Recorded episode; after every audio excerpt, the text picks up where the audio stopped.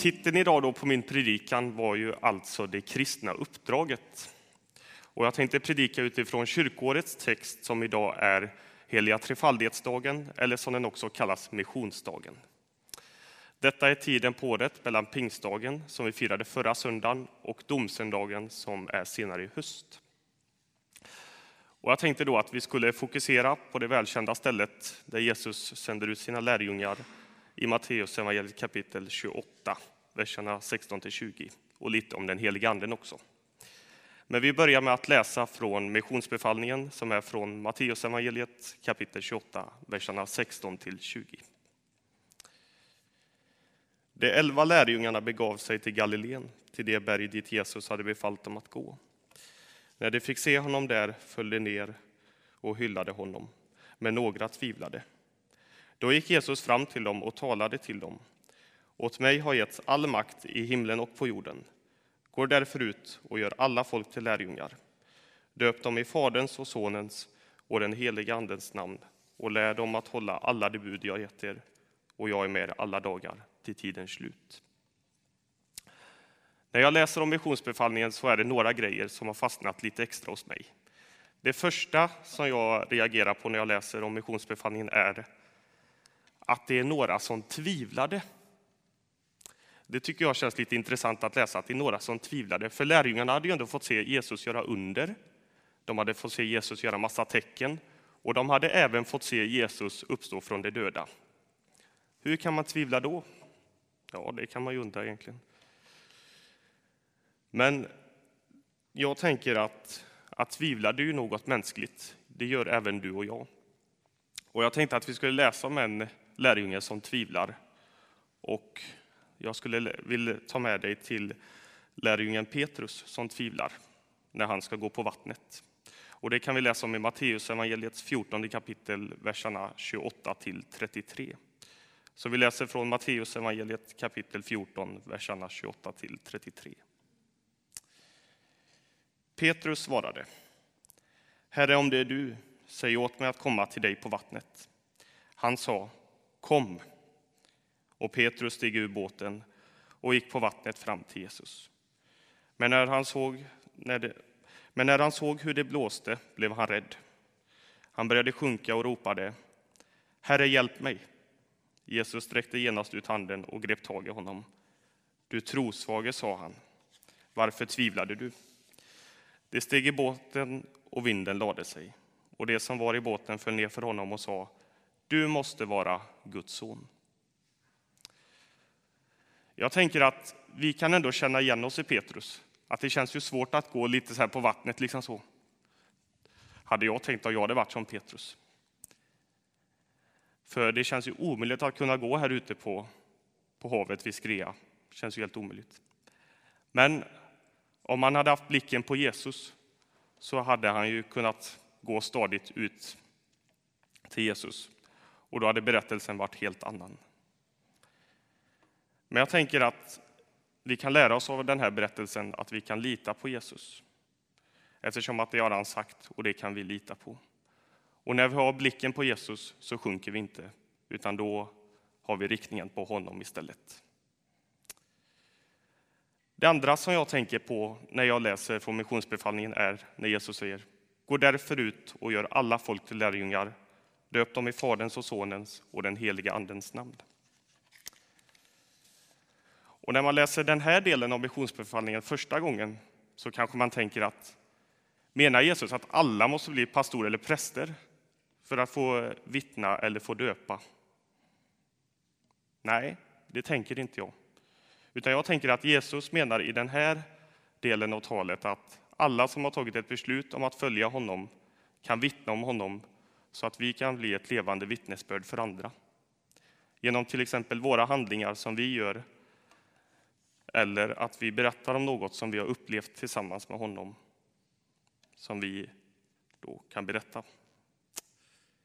Och jag tänkte att jag skulle nu få berätta om en liten händelse där jag fick vara med och vittna och det var så här, jag hade ledig helg och jag var hemma då och eh, tvättade bilen av en anledning.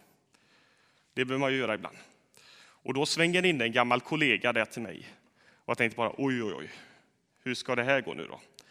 För jag pratade aldrig med, min, med mina gamla kollegor om att jag var med i kyrkan eller någonting. Liksom så.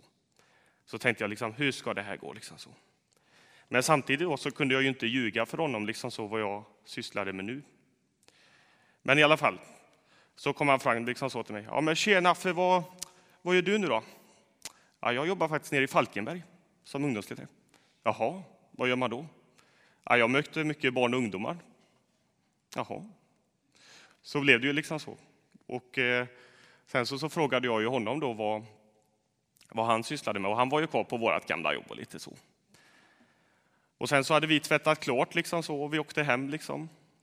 Och eh, då fick man ju liksom, då kände jag så här att men det här kändes bra liksom.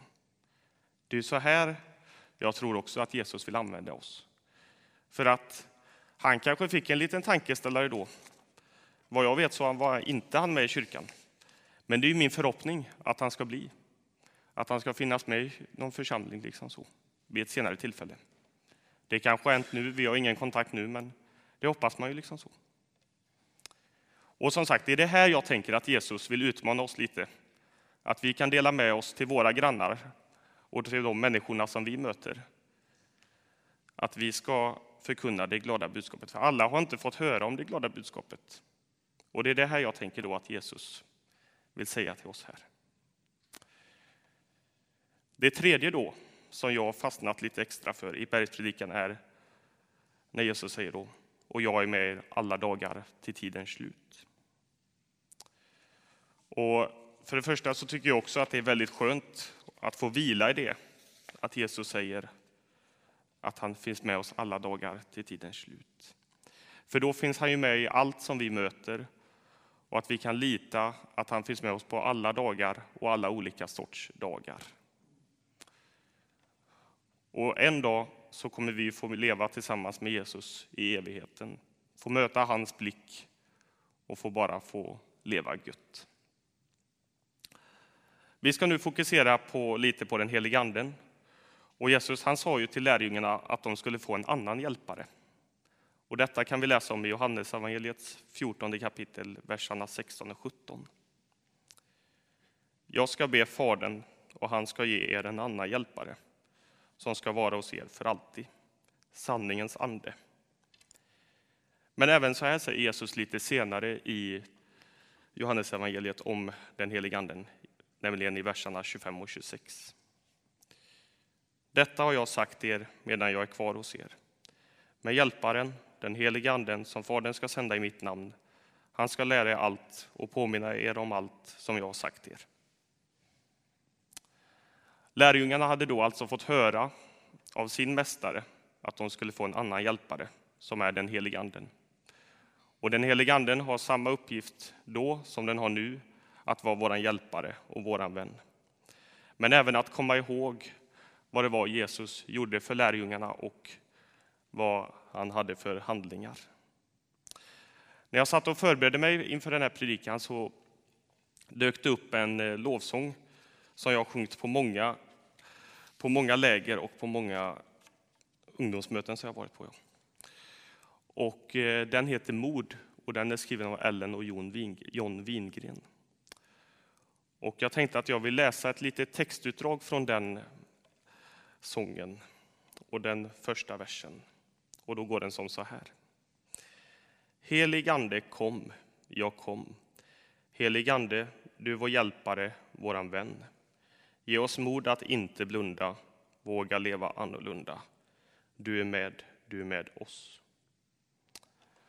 Och denna låten tänker jag kan göra oss trygga eftersom att Anden vill inspirera oss och ge oss kraft och styrka för varje ny dag som kommer. Detta är alltså uppdraget som Jesus har gett till oss och det måste vi ta vara på. Ett annat bibelord som påminner om missionsbefallningen är när Jesus säger i Apostlagärningarnas första kapitel, vers 8. Men ni ska få kraft när den heliga Anden kommer över er och ni ska vittna om mig i Jerusalem och hela Judeen och Samarien och ända till jordens yttersta gräns.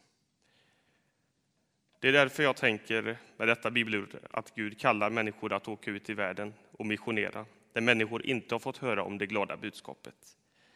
Men han kallar även mig och dig att vittna till människor som vi möter i vår vardag. Den helige Ande vill alltså hjälpa oss och ge oss kraft och mod så att vi kan vittna för andra om Jesus. För alla har inte hört talas om de glada, glada nyheterna och det måste vi dela med oss av. Vi måste ta alltså då både missionsbefallning och det här, den här texten från Apostlagärningarna på ett stort allvar eftersom att detta är det uppdraget som vi kristna är kallade att göra.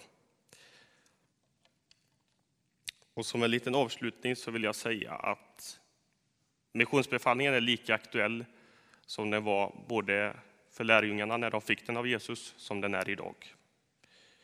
Vi kan berätta för människor i Falkenberg och resten av vår värld att de är älskade av en kärleksfull Gud som har gett oss uppdraget att vittna om honom där vi finns och där vi bor. Så låt den helige Anden få hjälpa dig att ge dig kraft och styrka och att få vittna om Jesus. Lyssna in vad Gud vill säga till dig och låt han använda dig som ett levande vittnesbörd för andra som inte har hört talas om honom än, får man lägga till då. Så att vi tillsammans kan hjälpas åt att uppfylla uppdraget om Jesus som han har gett oss, så att vi kan göra alla folk till lärjungar. Vi ber. Ja, Jesus, jag vill nu be att vi ska få kraft och styrka från dig.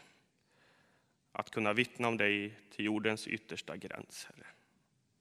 Men även, Herre, att vi ska få kraft och styrka att kunna vittna om dig här i Falkenberg och till de människorna som vi möter i vår vardag, Herre. Heligande, ge oss kraft så att vi kan få styrka från dig. Så att du kan säga till oss att den här behöver höra om dig, Jesus. Och jag ber att vi skulle få se människor bli förvandlade i den här staden och i vår värld, Herre. Det ber vi för i ditt namn. I Jesu namn. Amen.